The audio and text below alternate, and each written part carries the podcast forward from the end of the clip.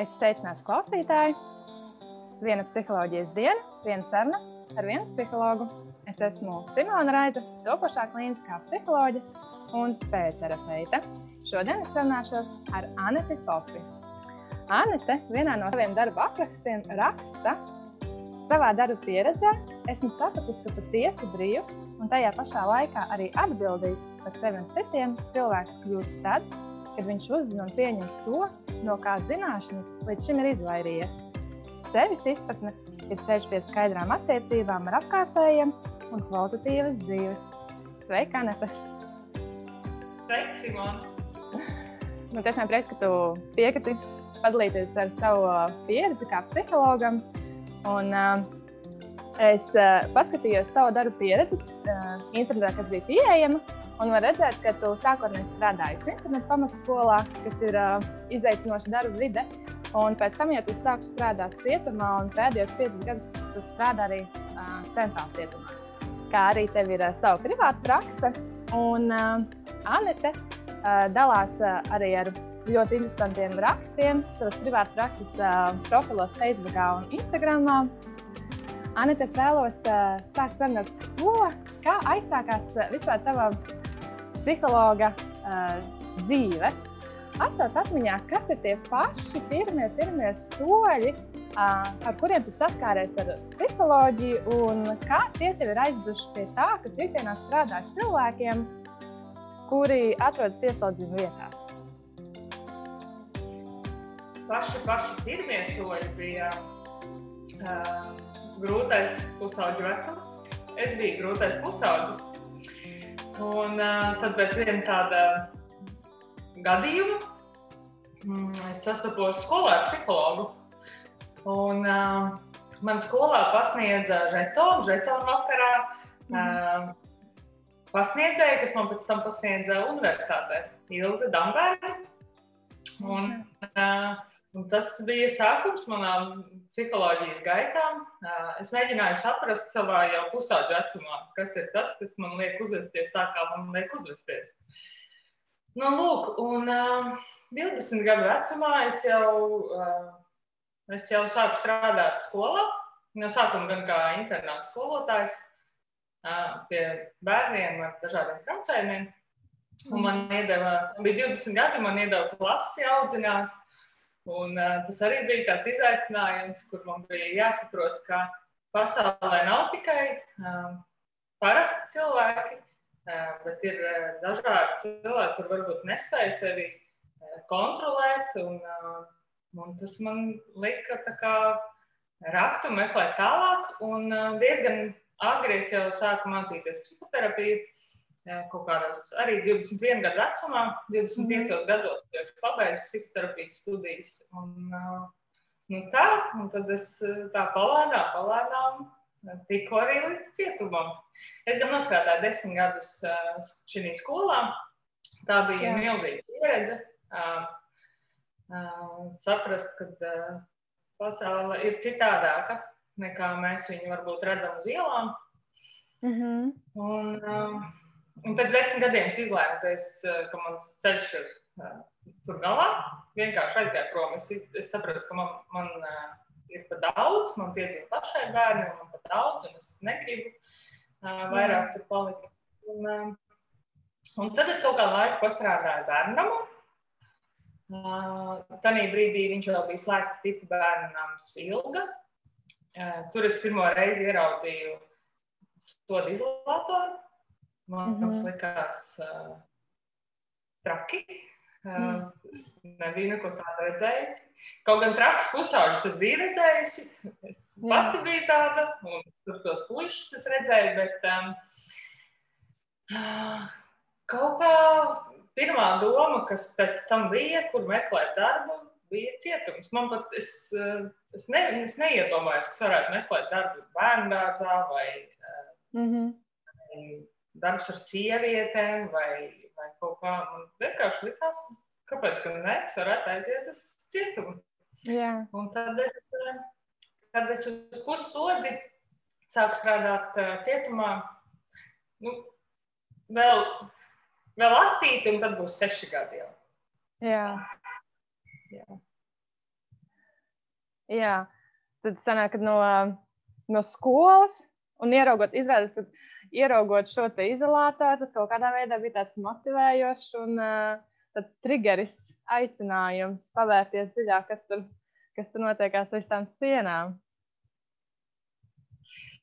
Um, varbūt ne gluži tā. Es uh, pašos uh, dziļumos ticu, ka cilvēks nepiedzimst uh, ļauns um, vai noziedznieks vai traks. Ja? Nu, tāds uh, traks, kurš grib darīt citiem pāri. Uh, nu, savos tādos es esmu pārliecināta, ka tas ir uh, ļoti vides ietekme vīdes mhm. audzināšanas cilvēku, kurus šis pusaudzis bērns, arī pieaugušais pēc tam satiek savā ceļā. Un šobrīd es to noteikti redzu savā darbā, ka, ka tas, kā es attiecos uh, pret otru cilvēku, mm -hmm. tas viņam māca uh, varbūt izdarīt secinājumus.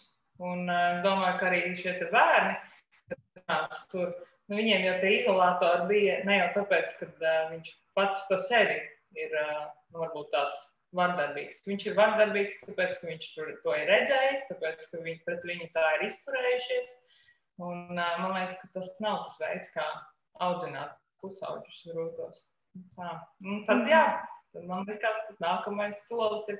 Man nebija vienkārši bail. Man liekas, kāpēc gan ne? Cietumā strādā psihologi. Es zinu, ka strādā. Es gan nezinu, kā es kaut kur meklēju internetā. Laikam. Jā. Uh, jā. jā. Jā, tev bija diezgan gara tāda dzīves pieredze strādājot um, skolā. Un kaut kādā tajā momentā tu saprati, ka tu vēlēsies arī um, iestāties un tālāk studēt tieši psiholoģiju. Uh, nē, sāku studēt psiholoģiju es pēc vidusskolas. Mm, uzreiz, un tad es jau un tad es, uh, nokļuvu skolā strādāt. Tā, kā tā bija. Un pēc tam es uh, studēju uh, psihoterapiju. Tā kā es principā studēju visu savu mūžu. Nu, tā, es tikai tagad kaut kādus pāris gadus nemācos. Mm -hmm. Jo maģistratūra man gāja, nāca pēc psihoterapijas studijām. Un, nu, tā, tad mazliet varbūt ne pēc kārtas viss nāca, bet uh, manā dzīvē viss salikās tā, kā tam bija jābūt. Un, uh, un maģistra darbu es rakstīju par ieslodzījumu. Tā kā viss brīnišķīgi. Ja tad, kad es jau sapratu, par ko, kāpēc, ko tas dos, kas man interesē, nu tā. Mm -hmm. Kas, kurš bija tas laiks, kad tu saprati, kā, uz kuru pusi tu virzīsies? Tas bija studiju laiks, varbūt tās pirms tam. Mm. Es vēl šobrīd nezinu, uz kuru pusi es virzos.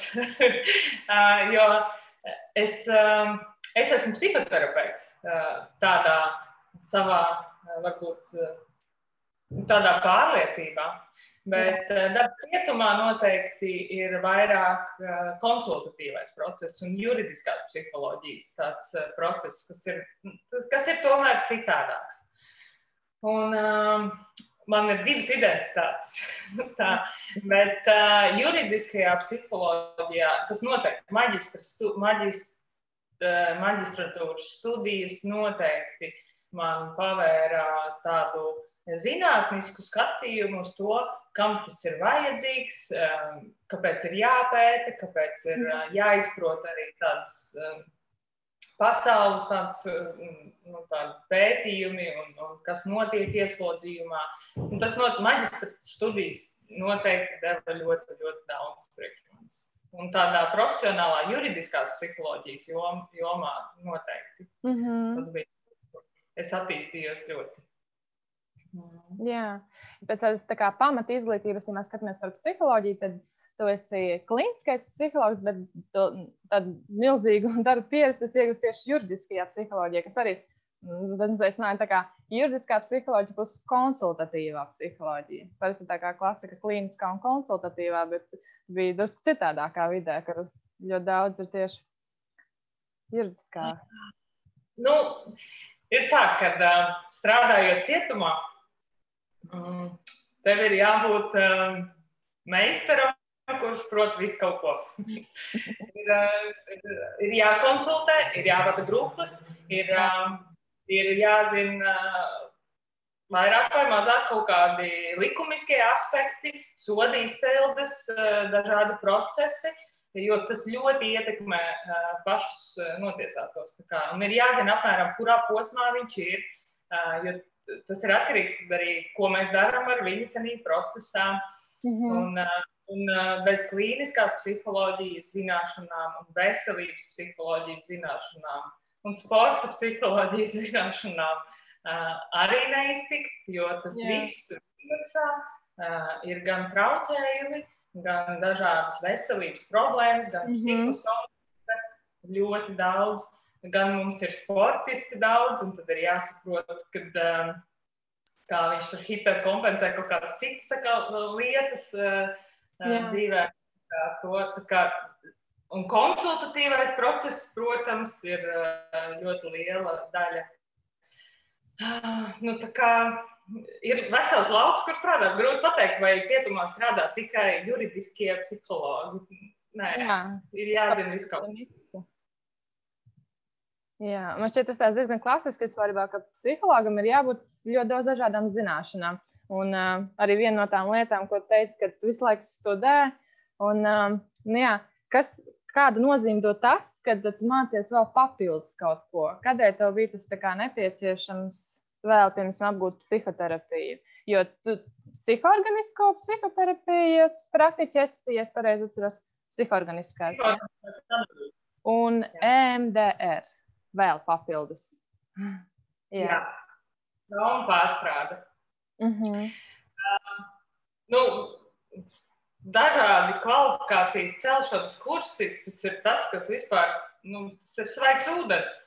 Nu, mēs sastopamies visu laiku ar kaut kādām um, jaunām lietām.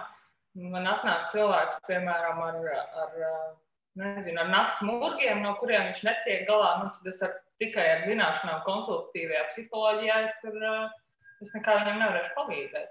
Man Jā. ir jāzina kādi, nu, teiksim, ir jāzina neiropsiholoģija, ir, jās, ir jāsaprot, uz ko viņš reaģē, uz ko nereaģē, kā nomierināt nervu sistēmu. Jā. Um, tas ir nu, tāds trau, traumatiskās pieredzes, nu, psihotraumas dažādas. Mums ir ļoti sarežģīti klienti. Ar. Vairums tomēr ir ar sarežģītām bērnības pieredzēm. Ar dažām, trau, dažādām traumām, fiksē, nu, fiksētām tajos laikos, kas savukārt ir eh, rosinājis izvēlēties tieši tādu dzīves ceļu, kādu viņi ir izvēlējušies. Tā kā papildus zināšanas, nu, tas ir. Es eh, brīnos par tiem, kuri neapgūst dažādas jaunas zināšanas. Es teicu, arī esmu pieteikusies uz jauniem eh, kursiem online, gan, bet uh, tas ir ļoti, ļoti svarīgi.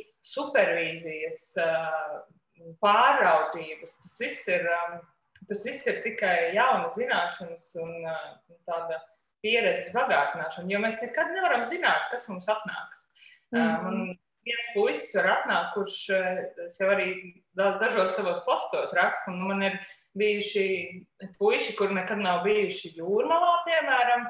Jā. Ir bijuši cilvēki, kas ir apbraukājuši puspasauli, burtiski, un zina piecas valodas. Un, mm. uh, un, tie, un tās lietas, ar kurām viņi kā, grib tikt galā, arī ir ļoti dažādas. Vienam ir problēmas ar, ar vai grūtības, teiksim, audzināšanā ar bērniem, un otram ir grūtības nezinu, ar, ar sievu, un trešajam vienīgā grūtība ir, kā nopelnīt naudu. Nu, tā, mm. tā kā, nu, mēs nevaram to iegūt pāris vai nu, teiksim, maģistra bakalaura maģistra studiju laikā tik daudz zināšanas iegūt nevar. Tā kā papildus ir obligāti jāmācās. Mm. Jā. Tu, nu jā, tu tikai iepriekš teici, ka divas identitātes, un viena no tām ir šī juridiskā psiholoģija. Es gribēju pajautāt, vai tu vari pastāstīt, kādēļ juridiskā psiholoģija ir svarīga sabiedrībai? Tādēļ, ka viņi tur gandrīz nu, ļoti, ļoti mazs procents paliks tur līdz mūža galam. Un arī tas ir jautājums, vai paliks. Jo mūža ieslodzījums Latvijā ir uh, 20 pēc 25 gadiem. Viņi drīkst pretendēt uz uh, nosacītu pirmstermiņa atbrīvošanu. Mm -hmm. uh, tas notiek vai nenotiek, šobrīd tas nav noticis vēl ne ar vienu mūža ieslodzīto, bet principā tas notikt var. Un tas nozīmē, ka juridiskais psihologs mūsu pamatu funkcija ir um, cilvēkam mm, nu, sagatavot atbrīvošanai sociāli vēlamu cilvēku. Uh, ja es vienmēr domāju par to, ka, uh, lai cilvēks iziet ārā kaut nedaudz uh, labāks nekā viņš ienāca tur. Un tā ir mana pamatfunkcija, ja pamat misija, ko es tur daru. Jo bez misijas sajūtas, man liekas, ka šī vidē ir ļoti grūti strādāt. Jo ir jābūt kaut kādai tam, lielākai jēgai, kāpēc es to daru. Un, uh, mums šie cilvēki ir uh, blakus katru dienu.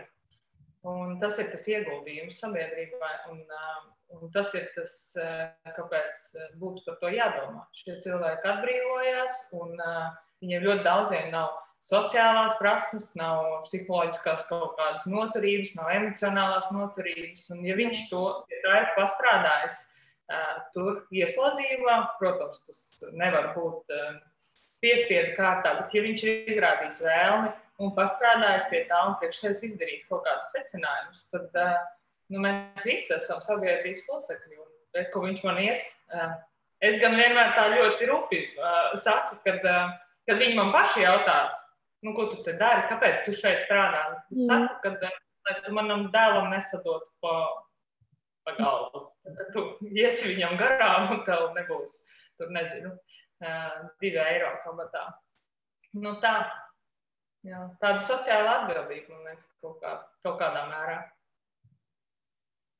Jā, es vēlos nedaudz mazliet parunāt par uh, tieši darbu ikdienu. Uh, vai tu vari nedaudz atspoguļot, kā īstenībā, kāda bija šī uh, pagājušā darba nedēļa? Ko tu darīji savā darba nedēļā, ikdienā? Mums katra nedēļa ir ļoti, ļoti dažāda. Tas, protams, ir arī atkarīgs no tā, cik psihologs pats grib uzņemties. Ja es tā skatos, tad mums ir kaut kādi tādi pamatpienākumi, kas ir obligāti jāizdara. Mm. Tie riski nu, piemēram, ja strādāju notiesātiem, tad risku vajadzīgi novērtējumi, nu, tādas formālas lietas, kas ir jāizdara. Tad, tad ko pieprasa sistēma. Tad ir konsultācijas tiem, kuri vēlās. Mm, tas ir daudz. Man ir, mēs strādājam ar ļoti daudz notiesātajiem. Aicinu darbā ļoti daudz juridiskos psihologus, tāpēc, ka mums tiešām cietumos trūkst psihologi, katastrofāli trūkst psihologi. Jā. Un, un beidzot arī ieslodzījumā cilvēki ir sapratuši, ka ka psihologs nav psihiatrs, un viņi nāk un nāk arī uz konsultācijām. Tātad eh, trešā lieta, ko mēs eh, darām, ir vadām programmas.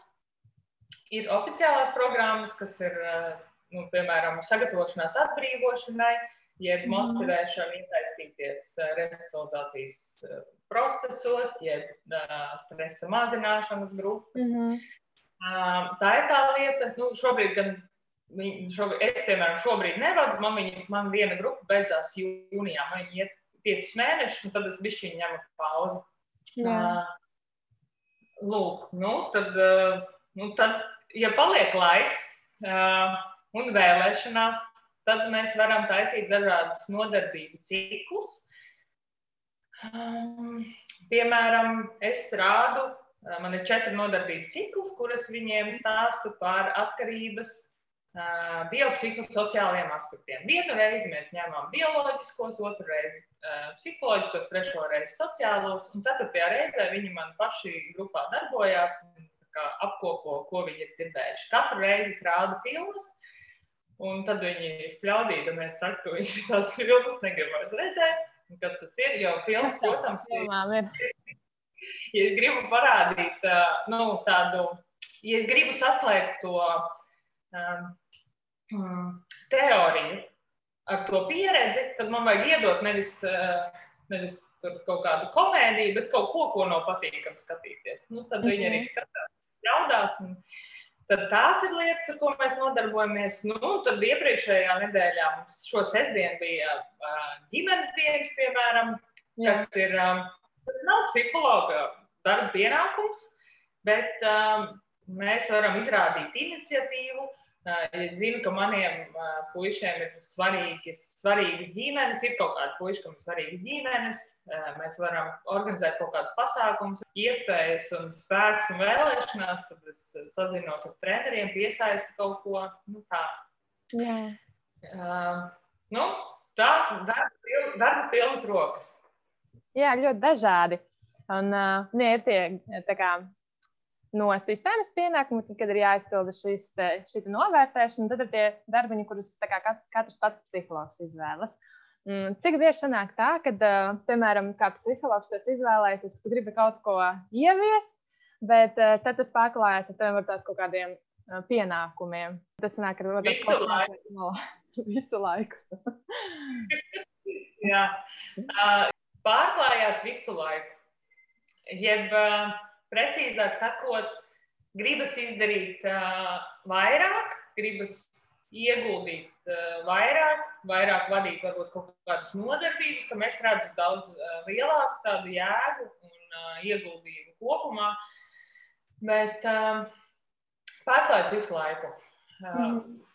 Bet ir obligātās lietas, kas ir jāizdara, un līdz ar to uh, ir jāatliek to, kas šķiet uh, varbūt tāds pašiem interesantāks. Bet, ja mēs skatāmies, cik bieži cilvēks iet vispār pie psihologa, nu, brīvībā, tad normāli būtu reizi nedēļā vai nu, reizi divās nedēļās. Ja? Mm -hmm. Tad pie mums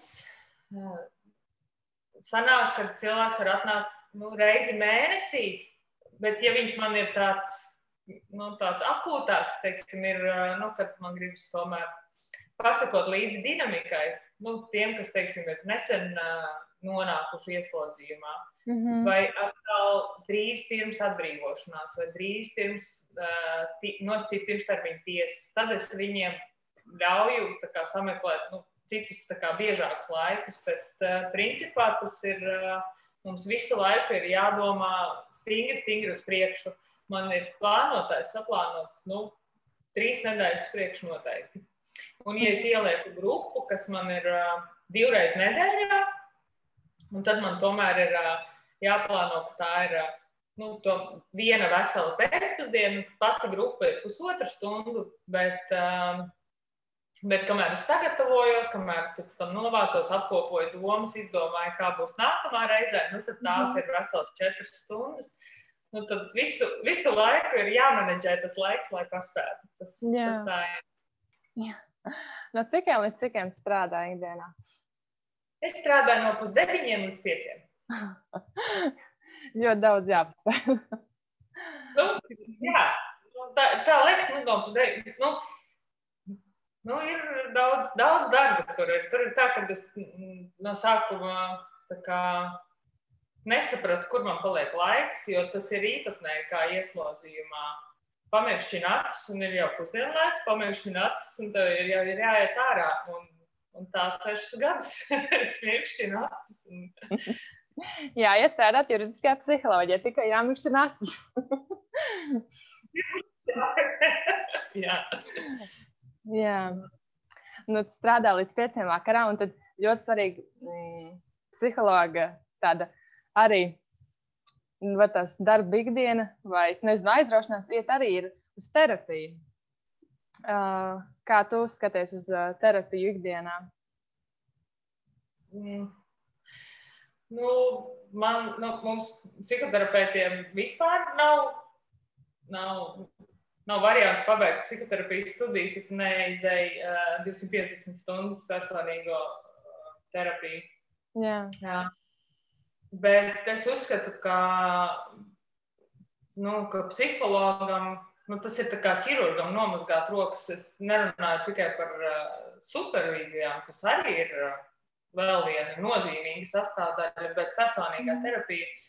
Man liekas, ja es nezinu tos āķus, uz kuriem es pats uzķeros, tad es ātri varu uzķerties uz klienta āķiem. Un tā, tas nav supervīzijas jautājums. Tas ir mm -hmm. uh, psihoterapijas nu, vai, vai savas konsultatīvā procesa jautājums. Nu, ja, ja es pats nesaprotu, kas man sāp, tad man vajag grūti arī jā, nu, atrast, kas otram un atdalīt to. Man liekas, ka mm. psihoterapija ir ļoti nozīmīga šī ziņā. Es domāju, ka tas ir noteikti vajadzīgs pasākums. Mm -hmm. Kā, es domāju, ka diezgan droši var teikt, ka vispār strādāt, strādāt cilvēkiem, kuri ir ieslodzījumi vietā, tas jau ir diezgan liels ieguldījums sabiedrībā. Bet uh, ikdienā vai ir kaut kas vēl, ko tu dari, kas uh, tev kā psihologam, kā tu kā psihologs sniedz ieguldījumu sabiedrībā? Vai tu piedalies kaut kādās asociācijās vai um, veicini kaut kādu? Nē, vairāk nekam laika nepietiek, jo man ir, man bieži vien ir uh, sešas dienas, nu tā kā, ja es kaut kur, ja es, tiksim, strādāju uh, sestdienā, vēl papildus tur, atvedu kādu piesaistīto speciālistu uz ieslodzījumu, tad man vairāk nav spēka piedalīties vēl kaut kādos, ne, es nepiedalos asociācijās, un es mm. maksimāli izvairos no, no kontaktēšanās. No, jā, tā kā šis nebūs tas, kur es piedalīšos. Vismaz pagaidām nē. Kaut gan es esmu iepriekš, pirms divām, trim. Uh, psiholoģijas dienās esmu runājusi. Un, uh, es piedalos dažādos projektos, kur uh, papildus darbam, uh, piemēram, smēķēšanas atm atmešanas atbalsta grupas esmu vadījusi. Uh, probācijas dienestā izstrādājusi mācību programmu par darbu ar agresīviem klientiem. Esmu strādājusi lidostā papildus, kamēr, kamēr sākās šis lielais Covid vilnis, mm -hmm. apmācīt darbiniekus arī darbam ar krīzes situācijām. Nu, kā, kaut, ko, kaut ko daru, kā, palīdzu cilvēkiem ar tām zināšanām, kas man ir. Nu, jo nu, kaut kādas viņas tur tomēr ir iegūtas. Jā. Jā. Bet tas, tas nevar pateikt, tas ir ieguldījums sabiedrībā. Tas ir mans papildus darbs. Tā. Jā. Bet nu, reizē arī ieguldījums sabiedrībā. jo tas aiziet arī tālāk. Mm -hmm. Jā, starp citu, pieminējis par Covid. Kā, kā mainījās tava darba ikdiena, kad iestājās šis laiks? Mums, eh, mēs, vismaz mūsu cietumā, katrā cietumā bija savi noteikumi. Mums mm -hmm. ir desmit izpildījuma vietas, bet eh, mūsu cietumā konsultatīvais process palika tieši tādā pašā līmenī. Tas nozīmē, ka viņi drīkstēja nākt. Un tas, ko es jūtu, nu viens ir uh, Viens ir pašam saprast, kā es jūtos vispār šajā laikā un ko es daru.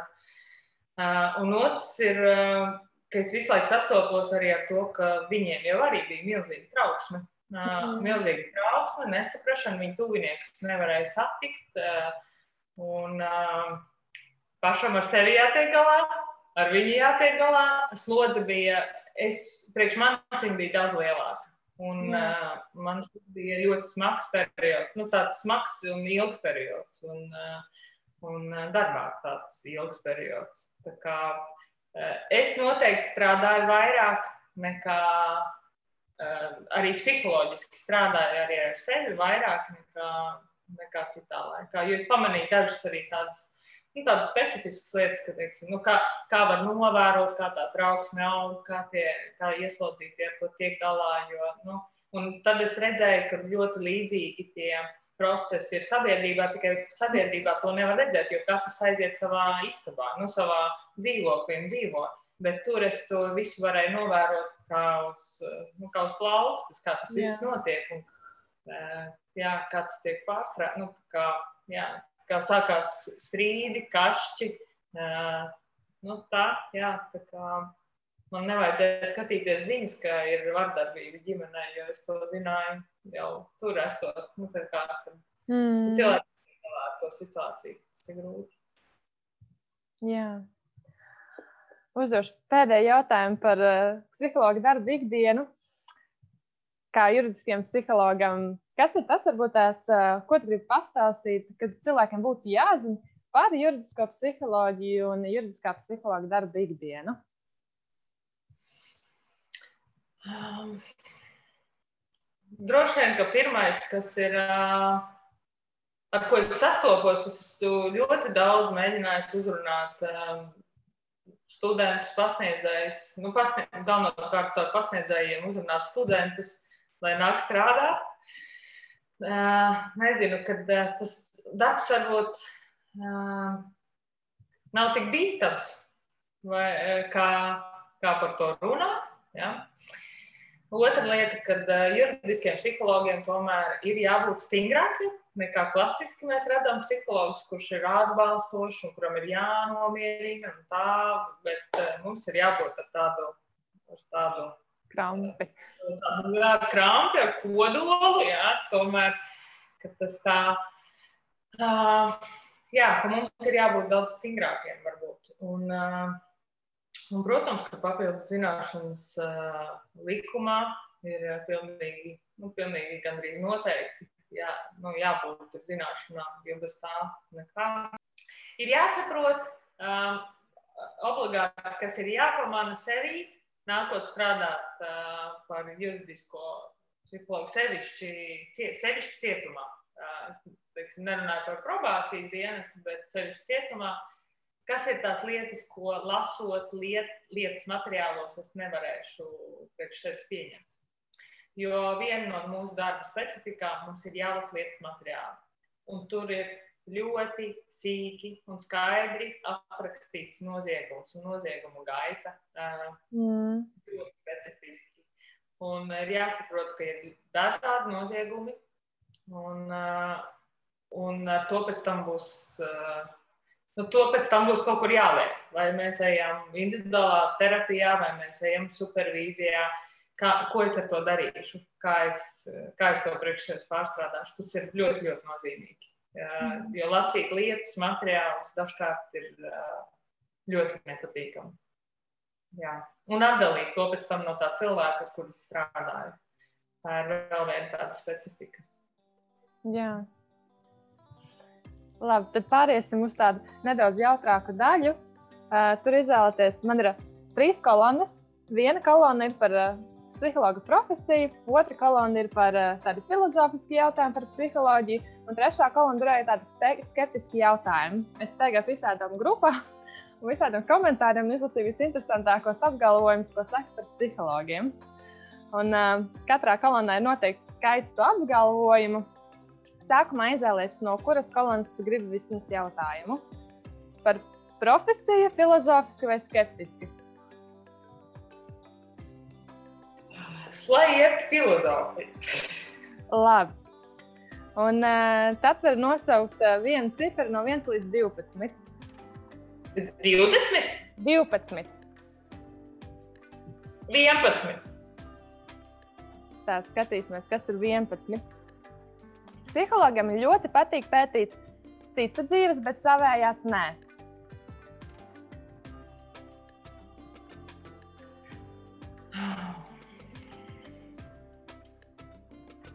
Kaut kādā mērā iespējams, ka taisnība. Uh, bet es gribētu ticēt, ka tas tā nav. Uh, gribētu ticēt, ka sākumā psihologs tomēr uh, izpēta savu dzīvi un tad pievēršās citu dzīvei. Jo man liekas, ka pamatā jau nu, teikšu tā, man liekas, uz psihologiem normāli cilvēki neiet. tā, tā kā, no sākuma tāpēc sevi saprot, ka kaut kas nav kārtībā, tad aiziet uz psihologiem un tad pēc citus, kuriem nav, citi, kuriem nav kaut kas kārtībā. Nu, tā. Jā, jā, studēt psiholoģiju ir tie divi varianti. Vieni, kuri aiziet, viņi grib uzzināt sevi, un otri aiziet, kuri grib uzzināt citus, bet tad apmainās vietām, ka tie, kuri grib uzzināt citus, uzzina sevi pārāk labi. Tā, no kuras kolonas gribēs jautājumu? Lai iet profesija. Te būs no 1 līdz uh, arī 12. Astoņi.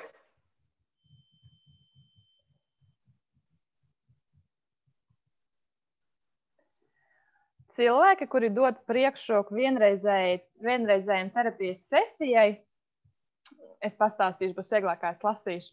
Tātad cilvēki, kuri dodas uz vienreizēju terapijas sesiju, piemēram, ir masāžas, ir smaržu terapijas vai pirtis. Um, šie cilvēki, vai pirms kaut kāda ezotēriska tipa terapija, um, vai pastāv iespēja, ka šiem cilvēkiem ir problēmas ar, uh, ir grūtības veidot uh, attiecības, jo viņi ir tikai tā kā uz, jo šīs terapijas ir tikai vienai reizei, tām parasti neiet ilgi visu laiku. Bet tajā pašā laikā, lai iet uz vienu terapiju, tā kā uz terapiju, tad, kad iet, ir jāveido attiecības un jāspēj uzticēties. Bet, iet uz to vienu reizi, tur jau ir jāuzticas. Kā sanāk, ka tas cilvēks var aiziet uz to, viņam pietiek uzticības to vienu reizi, bet viņam nav uzticības, kā, lai ietu ilgi tajā terapijā. Es domāju, ka tas ir ļoti komplicēti. Dažkārt vienā reizē var iegūt uh, un sakārtot priekš sevis. Sevišķi, ja ir uzdoti pareizie jautājumi pašam priekš sevis, un ja tie ir uh, diezgan uh, ātri atrisināmi, es domāju, ka pa vienu reizi arī var priekš sevis ļoti daudz ko izdarīt. Uh, var arī pat divām un trim reizēm. Uh, jautājums ir par mērķi, un uh, es domāju, ka tas nevienmēr ir stāsts par attiecībām. Protams, eh, ilg, ilglaicīgajiem procesiem tas ir stāsts par attiecībām, un tad mēs varam to dinamiku novērot.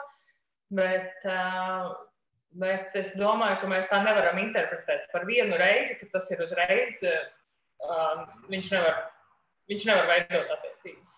Viņš iespējams, ka pilnīgi cits jautājums risina, kurus var atrisināt vienā reizē. Jā. Labi. Pēdējais jautājums no kuras kolonas? Skeptiskie filozofiskie. Pēdējās, tas skeptiskas, kas tur ir? Jā, skeptiskie. Un šeit var izvēlēties no 1 līdz 18. 5. Tā.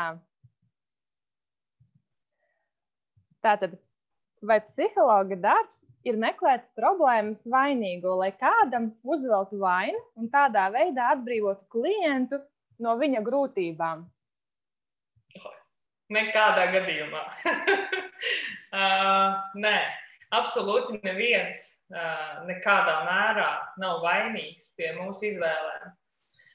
Uh, es domāju, ka sākot no kaut kāda, nu, no tāda apzināta vecuma, tiešām neviens, un arī uh, arī tad, kad mēs esam mazi bērni. Nu, tā, kā, nu, tā ir mūsu pieredze. Es ar viņu esmu šobrīd uh, līdz šejienai nodzīvojis. Nu, kā es varu pateikt, ka es šodien varu vainot savu nezinu, mammu, tēti vai brāli par to, kā viņš pret mani ir izturējies. Un es jau šodien pieņemu lēmumu, kā es rīkošos tālāk. Uh, šis ir klasiski uh, cietumā ļoti bieži sastopams, ka nu, vainīgs ir policists, kurš noķēra. Mm. nevis, nevis viņš, ka viņš nozaga, bet policists, kurš noķēra, vai tiesnesis, kurš iedeva sodu termiņu. Prot, protams, ka nē. Protams, ka nē. Mēs šodien varam pieņemt lēmumu rīkoties kaut kā citādāk. Jautājums par to, protams, cik tas ir viegli vai grūti, uh, tagad rīkoties citādāk. Bet, uh, bet nē, vainīgs nav neviens. Izņemot mūsu pašus. Jā, super. Tagad sarunas pats pats pēdējais jautājums, kur atbild vienkārši vienā teikumā. Vai psihologam ir viegli būt? Vai psihologam ir viegli būt? Jā. Nē, teikums beidzās. no, tu, tu gribi kaut ko pa, tu gribi, uh, papildināt.